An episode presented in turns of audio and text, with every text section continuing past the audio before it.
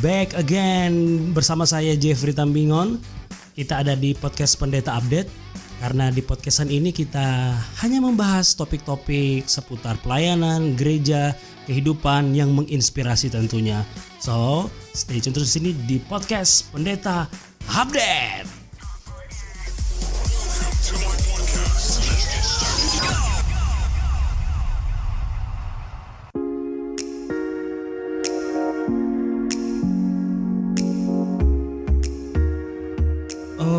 Oke oke. Kita ada di episode yang berikutnya nih. Wow, kalau ngomongin soal pelayanan memang nggak bakal habisnya. Karena pelayanan itu sesuatu yang sangat mahal yang Tuhan percayakan lewat kehidupan kita. Merupakan sebuah anugerah. Nah, kita akan lanjutkan pembahasan kita mengenai pelayanan. Kira-kira apa kata musisi yang satu ini? Panggilan melayani atau melayani panggilan? Nah, kali ini saya punya seseorang yang luar biasa.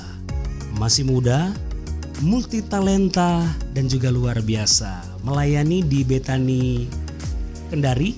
Ini banyak banget nih tugasnya. Beliau sebagai seorang staf penggembalaan, beliau juga seorang hmm, ketua dalam bidang profetik nih. Bidang profetik khususnya yang membawahi pujian penyembahan. Jadi kalau teman-teman kita di Betani ini namanya tim profetik dan beliau ini pas banget karena beliau adalah ketua tim profetik ini. Jadi membawahi semua tim musik praise worship yang ada di gerejanya. So, tanpa berlama-lama lagi, please welcome ini teman saya yang luar biasa Pison, welcome bro. Semuanya. Apa kabar brother? Puji Tuhan, luar biasa Bang Pendeta. Iya, bersyukur banget boleh ada seorang Pison di podcast ini. Wow. Luar biasa. Apa kabar Kendari hari-hari ini, brother? Kendari, puji Tuhan, masih dalam perlindungan Tuhan. Amin. Kira-kira lagi sibuk apa aja lah nih? Mungkin di gereja atau ada kegiatan lainnya, brother? Oke, uh, kesibukan hari ini ya, selain daripada pelayanan ibadah umum tentunya, mm-hmm. ibadah spesial karena ini kan COVID ya. Iya. Dan beberapa hari ini kami sedang mempersiapkan uh, pernikahan dari jemaat, pernikahan Wih, kudus. Pernikahan puji Tuhan, di tengah pandemi. Siang, hmm? Iya, puji Tuhan tadi siang sudah berjalan dengan baik oleh karena pertolongan Tuhan. Amin. Semuanya Oke. Okay. Siap. Oke, brother, mungkin boleh perkenalan sedikit, mungkin sosial medianya, baru mungkin pelayanan detailnya seperti apa, biar teman-teman yang dengar ini boleh kenal dan juga bisa kirim yeah. nih, ya kan? Kira-kira seperti okay. apa, brother Pison? Silakan, brother. Oke, okay. salam kenal. Nama saya Pison. Saya ini sebenarnya nama baptis yang diberikan oleh mm-hmm. gembala saya dulu. Yes. Nama saya Pison. Saya lahir di Ungaran, Kabupaten Semarang. Saya sekolah di Sekolah Tinggi Teologi Tawamangu dan saya dilempar Tuhan ke Kendari.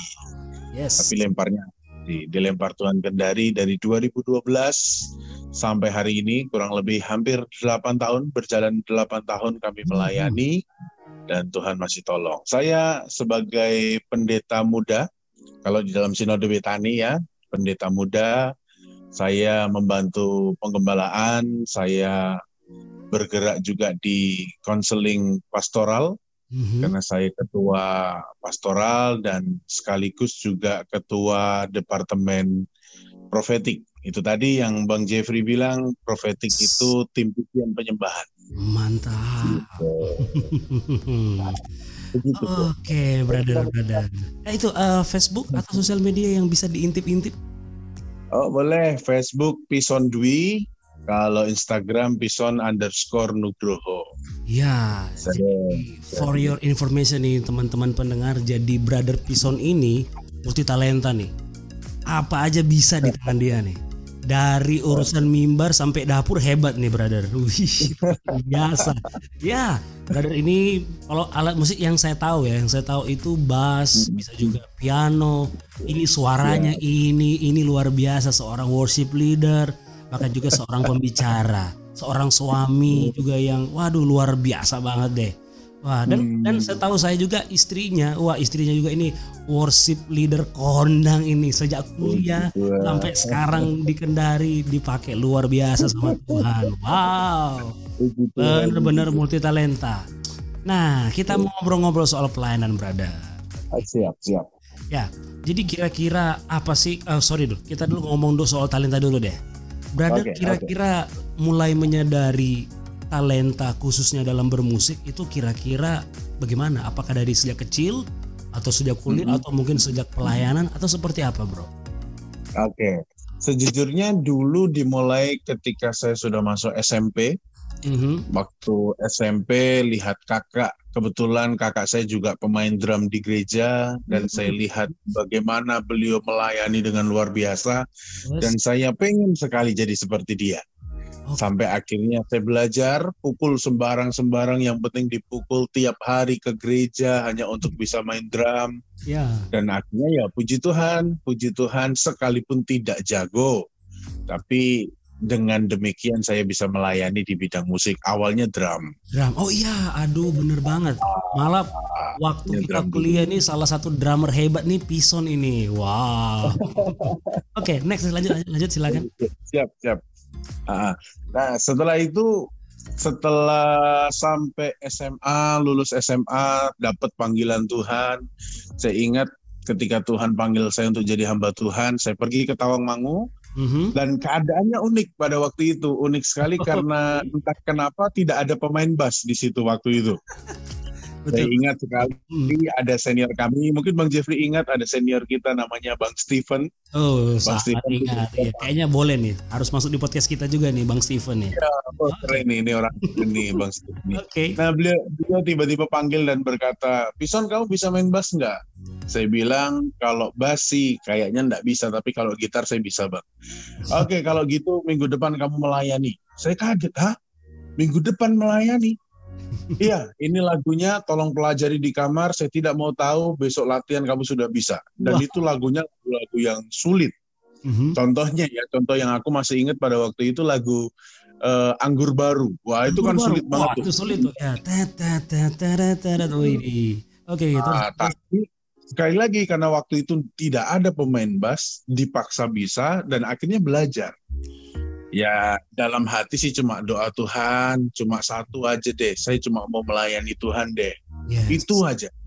Tapi jujur dari situ seperti seperti Tuhan itu buka jalan untuk saya belajar. Akhirnya bisa main bass. Wow. Ah, setelah itu tahun 2009 saya praktek pelayanan di Ambon. Di Ambon lucunya di Ambon itu ada alat musik, ada piano, tapi pemain piano sedang pergi ke Manado. Nah, Jadi ibadah itu nggak ada pemain musik. wow, wow. Di situ wakil gembala pada waktu itu ngomong, kamu ini anak teologi, kamu pasti bisa main piano. Saya bilang nggak bisa om, nggak bisa main saya, nggak pernah belajar piano. Dan dia bilang pasti bisa. Dan di situlah dipaksa untuk belajar main piano dari tiga jari. Wow.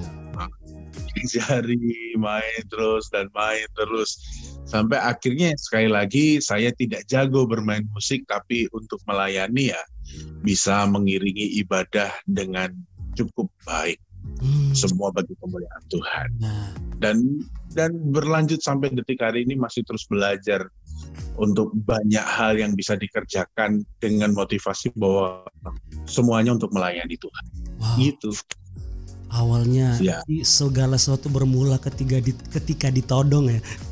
iya betul betul dipaksa Tapi ternyata itu merupakan saya salah satu saya percaya bahwa itu salah satu cara Tuhan sehingga mau nggak mau akhirnya Pison bisa temukan potensi yang selama ini belum ketahuan.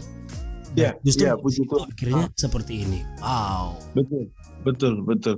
Dan dan akhirnya akhirnya saya mengaplikasikan hal ini ke beberapa teman-teman adik-adik saya di Kendari Mhm. dan mereka juga menemukan hal yang sama bahwa ternyata kadangkala suatu paksaan itu justru membuat kita menyadari bahwa ada potensi tersembunyi Oke. yang begitu digali bisa jadi keren, Hmm. bisa jadi besar. Tapi satu motivasinya tetap melayani Tuhan, Oke. bukan untuk jago-jagoan. Yes. Gitu.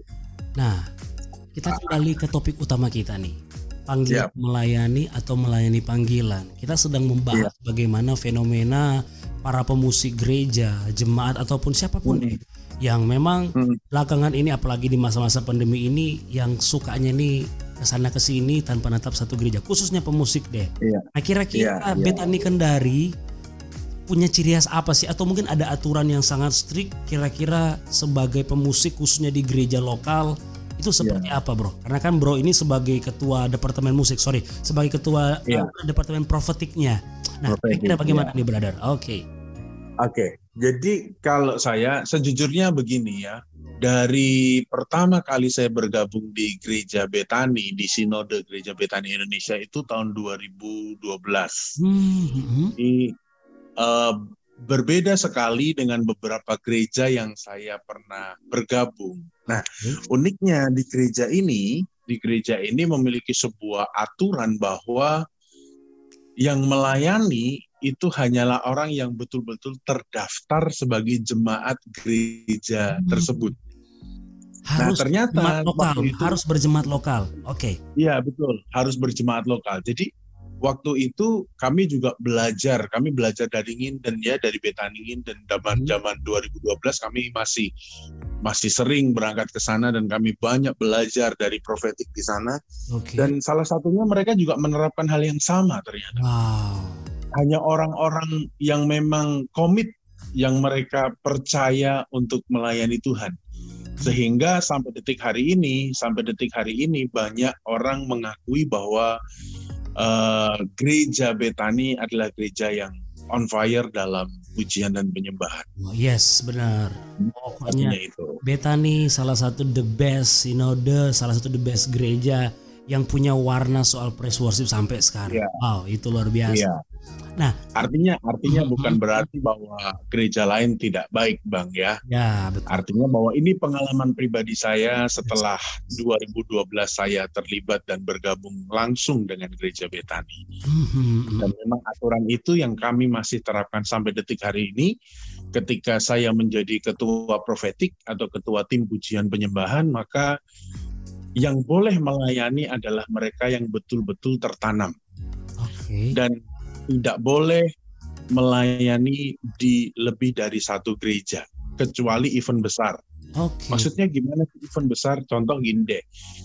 Tidak memungkiri bahwa di kota Kendari ini ada beberapa gereja yang kekurangan pemain musik. Ketika Betul, mereka bikin betul. event Natal, ketika mereka bikin event Paskah, eh, boleh nggak kami dipinjam? Boleh nggak mereka pinjam gereja Betani? Boleh. kerjasama lah ya, kerjasama. Mhm. Ah, Iya betul. Saya bilang boleh. Saya sebagai ketua saya berkata boleh. Tapi jika setiap minggu kalian melayani begitu, Hmm. aturan di gereja ini tidak bisa.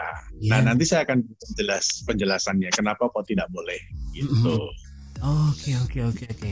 Nah, Hmm. Jadi kalau boleh tahu nih, kalau boleh tahu Ya. dari apa namanya eh, peraturan lah atau mungkin semacamnya, kira-kira dari jemaat lokal kira-kira gini, eh, indikatornya bisa bergabung itu apakah mungkin ada kelas harus mengikuti kelas-kelas pemuritan, harus mungkin eh, apa namanya eh, terikat dalam komsel atau seperti apa bro supaya Ya. sampai nanti sampai ke level mimbar dari non mimbar sampai mimbar itu ada level-level nggak sih di sana? Ada ada. Nah, Jadi tuh? oke. Jadi begini. Yang pertama adalah pasti melalui audisi. Oke. Audisi itu ada audisi itu ada beberapa tahap. Yang pertama adalah audisi secara pribadi di mana kami melihat karakter orang tersebut. Mhm. Kami akan memantau pertumbuhan rohaninya, apakah dia bertumbuh atau tidak, dan kami akan lihat karakternya seperti apa. Nah, uniknya kami belajar melihat karakter seseorang dari apa? Hmm. Dari updatean status sosial media. Wow, wow, Wah, wow. Jadi, Jadi saya sosial ini media pendeta- Oke. ya betul. Jadi saya ini bisa disebut pendeta tukang stalking jemaat. Karena nggak mau harus ya setidaknya yang bisa dilihat dari situ. Ya benar ya. yes, yes, karena karena betul. Kalau sosial mediamu nggak beres, sudah pasti hidupmu nggak beres. Wow, yes yes Iya. yes. yes. ya kan? Oke. Makanya kami memberikan sebuah aturan besar begini. Ini contoh, contoh, contoh ya. Jika saya melihat masih ada orang yang suka mengeluh di sosial media. Saya akan berikan dua hal. Satu, mereka harus belajar untuk merubah cara mereka update status Mhm. atau mereka akan berhenti untuk melayani Tuhan. Wow. Jadi pilihan Jadi Gitu, segitu ketatnya lah. Jadi segitu ketatnya bagaimana seseorang apalagi yang mau bergabung Hmm. ataupun udah bergabung sebagai tim prophetic Iya. praise worship itu harus benar-benar nggak boleh main-main dengan jarinya nih. Betul, betul. Oke, oke, oke, oke. Betul. Dan dan memang itu yang itu yang sedang kami lakukan dan beberapa tahun ini kami sungguh terus lakukan. Mhm. Kami tidak kami tidak mengatakan bahwa oh pelayan Tuhan harus sempurna 100%, Ya. tidak pernah cacat. No, bukan itu. Tapi dari hal yang sederhana saja kamu tidak bisa bertanggung jawab, maka pasti hal yang besar kamu nggak akan bisa bertanggung jawab. Hmm, betul Betul. banget. Yes. Oke lah, kita nggak perlu bicara masalah kudus atau tidak, kamu berzina atau tidak, kamu melakukan dosa besar atau tidak. No, jangan bicara itu dulu. Mm-mm. Bicara tentang karaktermu betul atau tidak. Nah, Itu modal pertama untuk kita melayani. karakter ya. Jadi salah satu indikator penting, unsur penting dari tim worship yang ada di sana adalah karakternya. Nah, kira-kira nih brother, dengan Ya. apa namanya sebagai ketua departemen prophetic yang punya tanggung Ya. jawab besar di dalamnya dan dengan Hmm. ditambah dengan aturan yang sangat strict seperti ini, ada tantangan nggak sih brother ketika misalnya membutuhkan uh, si pemain A yang biasanya ngisi dan ketika Hmm. mungkin ya tadi ternyata diketemukan mungkin ada sedikit problem dengan sosial media atau sedikit ada masalah lah Iya. atau siapa pun yang Iya. bergabung yang kita tahu orang ini potensi banget nih istilahnya gini kayaknya Iya. ba- mantap banget nih kalau gabung tim musik tetapi kayaknya Hmm. ada yang harus dibereskan nah kira-kira dengan Iya. berbenturan aturan tadi ada sedikit tantangan gak sih atau seperti apa brother Iya, iya, betul. Ah, gini, untuk untuk masalah hubungan masih ada hubungannya dengan yang saya sampaikan tadi. Mhm. Bagaimana jika ada orang yang jago, katakanlah jago main nah musik, oke tapi karakternya berantakan nih, Ya. update statusnya berantakan nih, Mhm, ngomong di mhm, sosial media berantakan nih. Apakah mereka akan dipakai? Saya akan dengan tegas belum. oke Sehebat apa pun itu. Yes. Saya boleh jujur, Bang Jeffrey ya, saya boleh jujur bahwa di Kendari ini banyak musisi hebat. wow. Bahwa beberapa di antara musisi kami pernah dikontrak dengan Naga Suara, wow. pernah tayang di beberapa band yang cukup terkenal. wow. Tapi saya ingat dua tahun yang lalu, saya ingat dua tahun lalu pemain gitar kami, sorry saya tidak perlu sebut orangnya ya, ya nggak masalah. Pemain gitar kami yang yang artis itu, yang mainnya jago itu, yang lulusan dari Yamaha itu, Mhm. karena responnya tidak benar, maka dengan berat hati kami harus lepas menghentikan pelayanan, ya melepaskan. ya Dan itu jauh lebih baik, itu Mhm. jauh lebih baik ketimbang kami membiarkannya. Kenapa? Kalau kita bicara hal yang lebih rohani nih sekarang nih, kalau Mhm. kita bicara tentang spiritual nih, oke itu akan mengacaukan mengacaukan pengurapan yang dari Tuhan dalam satu tim pujian Iya. dan penyembah. ini dia oke Gitu. Makanya lebih baik kita string, lebih baik kita kita tegas, tapi pelayanan kita betul-betul berdampak. Dan sorry, saya mau bilang ini, Mhm. ketika kami betul-betul berhasil memperbaiki tim pujian penyembahan, oke Tuhan kirimkan jemaat yang tidak pernah kami duga datang terus, terus, terus dan terus bertambah terus jemaat. Ya, artinya ternyata tidak sia-sia. Mungkin kita satu sisi kita lihat, waduh kita sedang kehilangan seseorang yang kita rasa ini uh, dengan potensinya. Tapi ternyata Yes. Tuhan gak tutup mata. Ternyata ada hal yang lain yang Tuhan siapkan ya brother ya. Iya, Wow. iya betul, betul, oke, betul. See. Begitulah. Uh, uh, jadi saya ada ada sebuah cerita Bang Mhm. Jeffrey ya. Mungkin Oke. ini akan jadi pro kontra ketika saya menyampaikan ini Oh, bagi nggak orang apa-apa. percaya. Mungkin ada yang setuju, ada yang Hmm, tidak. nggak masalah. Podcast ini tempatnya. Saya ingat Hmm, Siap. Uh, saya ingat 2013 ketika kami buka cabang di Makassar. Waktu mhm, itu saya dikirim juga di sana untuk membantu penggembalaan di Makassar sampai 2 tahun. Oke. Di situ ada satu orang pemain drum jago banget. Jago banget. Tapi dia ateis. Wow. Drama Dia anak hamba hebat, Tuhan. ateis, anak hamba Oh. Tuhan. Wow. Anak hamba Tuhan, Mhm. anak pendeta terkenal di kota Makassar, tapi Mhm. karena pendeta ini sorry jatuh dalam dosa, Oke. anaknya kecewa, akhirnya dia memutuskan untuk jadi ateis. Ateis. Wow. pacaran dengan seorang eh, yang sekolah di Amerika, pacarnya juga ateis. Oke. Tapi suatu kali dia datang kepada kami, Bang. Hmm, hmm, hmm. Dia datang kepada kami dan dia tanya, boleh nggak saya bantu melayani di sini? Mhm. Padahal di beberapa gereja yang dia tawari, dia tawarkan diri untuk melayani, mereka dengan spontan mereka langsung berkata, sorry saya nggak bisa. Mereka menolak. Oke, oke. Waktu saya tahu latar belakang orang ini adalah ateis, saya langsung hubungi gembala. Saya tanya, Pak Gembala, eh, ini ada satu orang yang menawarkan diri untuk bantu pelayanan kita, tapi dia ateis. Bagaimana? Yang mengejutkan, Bang, yang mengejutkan, gembala saya berkata gini, silahkan melayani, tapi ada syaratnya. Hmm. Apa itu syarat? Selama firman Tuhan disampaikan, dia tidak boleh keluar dari ruang ibadah dan dia harus duduk di depan. Hmm. Hah? Masa bisa seperti ini? Bisa, ya, iya, iya. Menarik ini. Dan itu yang terjadi bahwa selama ibadah, saya kenal lebih dari dua tahun orang ini. Selama ibadah, Mhm. dia duduk di depan, dia dengar firman Tuhan. Padahal dia sudah mengklaim bahwa dirinya ateis. Nice, ya. 2015 dia bertobat kembali dengan Ah. pacarnya dan sekarang melayani Tuhan. Wow. So amazing. Wow. Seandainya pada waktu itu Hmm. gereja tidak memberikan kesempatan untuk dia melayani, dia tidak akan Iya. pernah berubah. Ya. Mau Betul dikemanakan? Ben, oh benar banget. Ya. Iya. Jadi- Kadang-kadang, mm, jadi- mm. Dampak pelayanan kita di pujian penyembahan tuh sampai sebegitunya. Maka saya tidak pernah main-main dengan yang namanya tim profetik atau tim pujian penyembahan. Wow. Walaupun satu sisi ketat dan tegas, tapi juga tidak menutup kemungkinan untuk sebagai seorang apa namanya pelayan Tuhan, sebagai gereja Ya. membuka tangannya untuk siapa pun datang mengalami Tuhan. Benar brother Betul. ya. Jadi Betul. sekali lagi betul. bukan untuk menghambat siapa-siapa, bukan untuk apa namanya menolak siapa pun, tetapi ketika datang dari luar memang harus bersedia dibina brother ya. Iya, betul. Supaya karena memang benar tadi, karena kalau kita cuma cari skill, ya mending manggung. Kalau cuma cari Ah, iya. skill mah di mana-mana aja banyak hebat. Tapi ini urusannya urusannya Tuhan ini ya benar ya. iya, iya, betul sekali. Ya. Itu ya, itu yang apalagi gini, apalagi kalau kita bicara tentang Makassar, ya.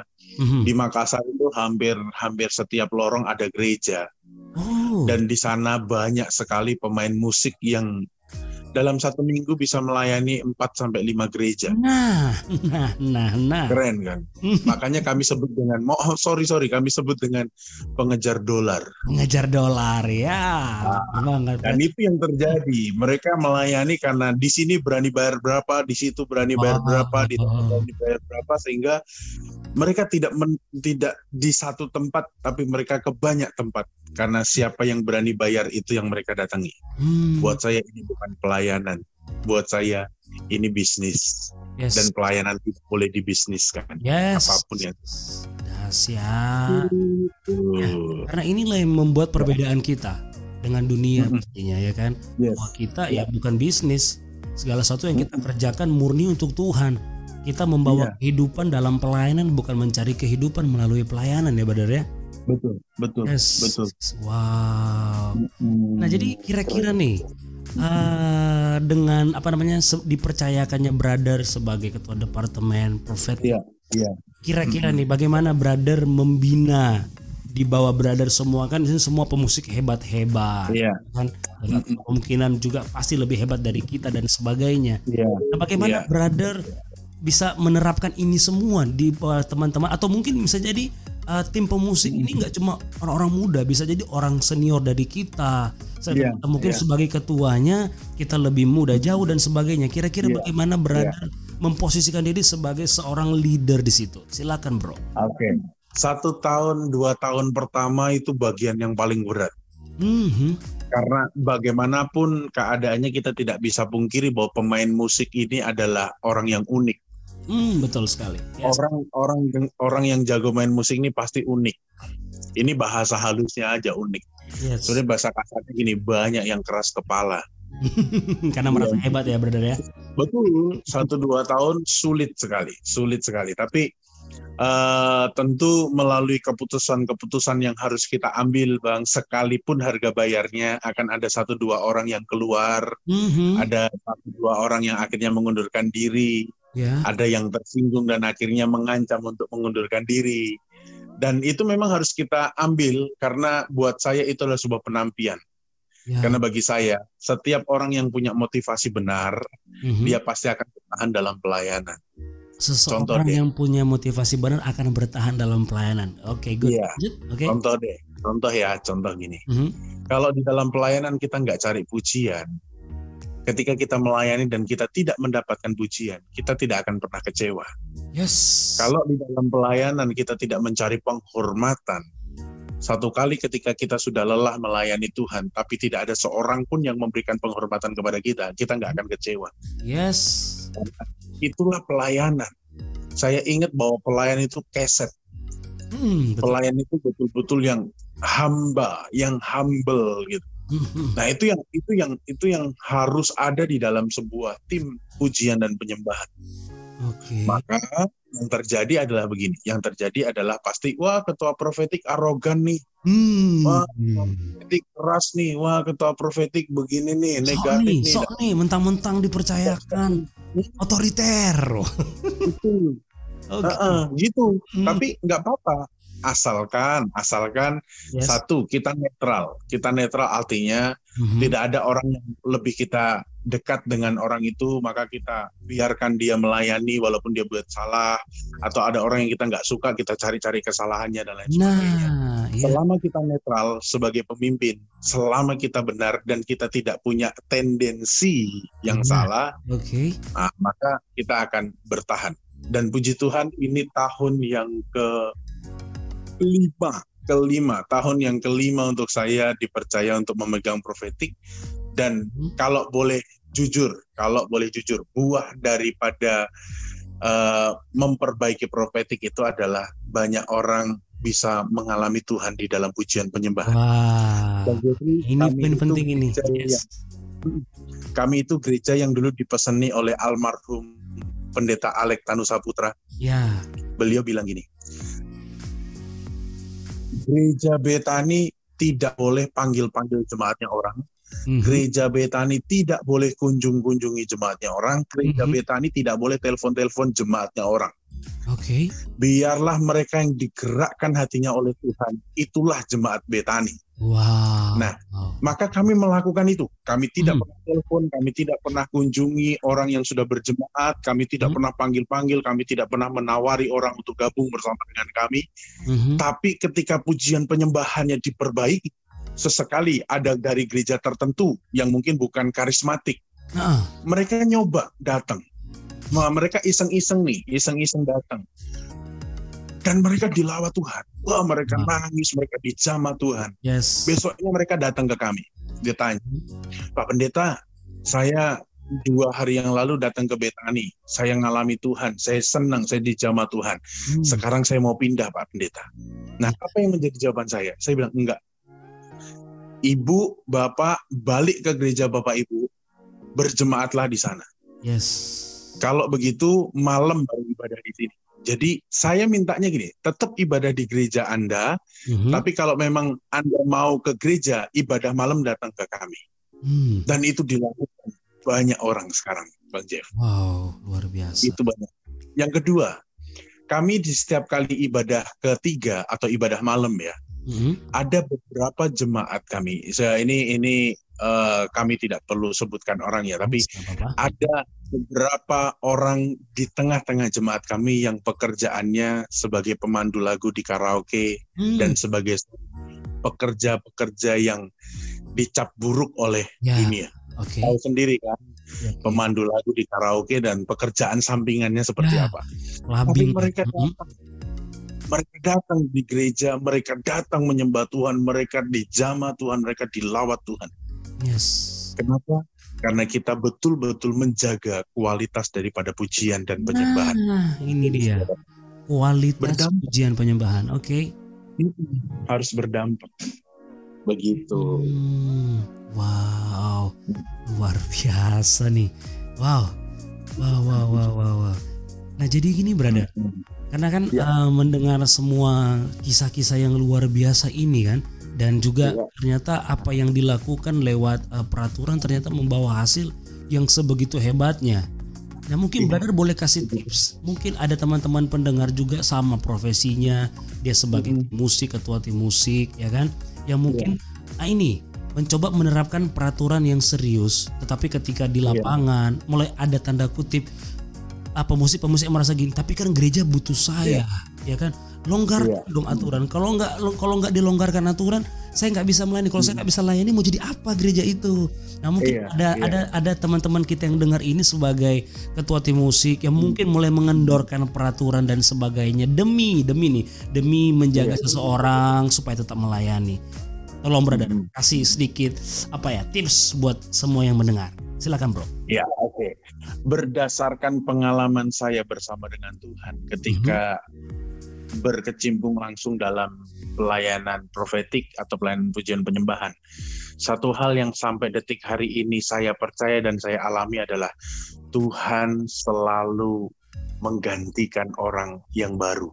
Wah, Tuhan selalu menyediakan orang baru. yes.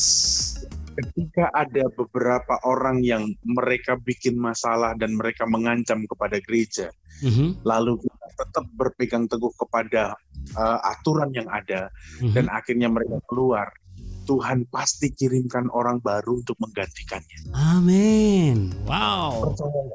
Ketika pemain piano kami mengundurkan diri, Mhm. Tuhan kirimkan orang dari Siantar, dari pemantang Siantar. Wih, dari ujung ke ujung nih. Betul. Luar biasa. dia Wow. ikut ikut ujian lalu dia lulus di salah satu universitas negeri di Kendari Hmm. dan apa yang dia lakukan dia tidak punya keluarga di Kendari dia tidak punya kenalan di Kendari Mhm. dia cari di Google gereja Hmm. dan di gereja di Google itu ada gereja dan itu ada nomor kantor dan nomor telepon saya dia hubungi dia hubungi dia datang ke Kendari dia ceritakan dan lain sebagainya sampai akhirnya oke lah kamu tinggal saja sama kami sekarang tinggal sama kami di Pastori Tinggal di Dia Pastori. pemain piano yang luar Bayangkan biasa. dari ujung ke ujung akhirnya ketemu gereja. Ketemu. Gereja itu menjadi rumahnya lah dalam tanda kutip ya. Betul. Dan itu waktu yang tepat setelah beberapa hari orang yang merasa dirinya jago ini mengundurkan diri. Itu yang Wah. pertama, Bang. Yang kedua, Mhm. ketika ada pemain drum kami dulu juga melakukan hal yang sama, tidak bisa diatur sesuka hatinya melayani. Lalu ketika kami memberikan disiplin, dia marah dan dia keluar. Mhm. Tuhan kirimkan satu anak muda, sorry bahasa saya, Hmm. brengsek, Mhm. berandalan. Dia kabur, dia datang ke gereja, dia datang ketemu dengan saya karena dia dituduh menghamili anaknya orang. Oke. Dia dalam keadaan ketakutan, dia dalam keadaan yang yang dikejar-kejar orang. Saya pegang dia, ayo kamu tinggal sama kami. Dia tinggal bersama kami hari ini di Pastori. Dan Puji Jeff, Tuhan. Tuhan berikan anugerah buat dia. Dia bisa main drum dengan bagus. Wuh, Waktu tepat setelah biasa. hari pemain drum kita mengundurkan diri. Tuhan Yes. berikan yang baru. Dan hari ini mereka adalah orang-orang setianya Tuhan. yang Amin. Oh, Tuhan Amin, amin, amin. Jadi, Pesan saya gini, bagi ketua profetik, ketua pujian penyembahan, Yes. peganglah bahwa kualitas pujian penyembahan itu nomor satu. Amin. Maka ada orang yang mengancam, ketika ada orang yang yang uh, sesuka hatinya melayani, maka kita tidak perlu takut. Disiplin-disiplinlah. Maka ketika orang itu seandainya tertampi dan dia keluar, Tuhan pasti sediakan yang baru. Dengan demikian, pelayanan pujian penyembahan kita semakin baik di hadapan Tuhan. Puji Tuhan. Wow.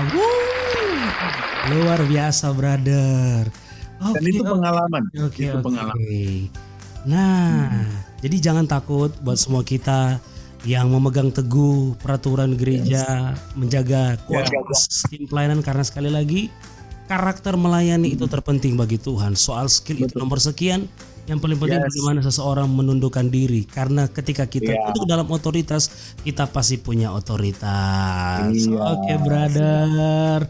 Thank you banget untuk sharingnya. Wow sangat Siap. memberkati dan sangat inspiring. Waduh, thank you banget nih brother. Next time harus ada lagi di podcast ini brother ya. Siap, siap dengan okay. senang thank you brother untuk obrolan ini sekali lagi buat teman-teman yang udah mendengar boleh dibagikan ke semua teman-teman pemusik biar semua diberkati. So, Amen. sekian dulu untuk episode kali ini bersama saya Jeffrey dan Pisong. Kami check out. See you di next episode. God bless. God bless.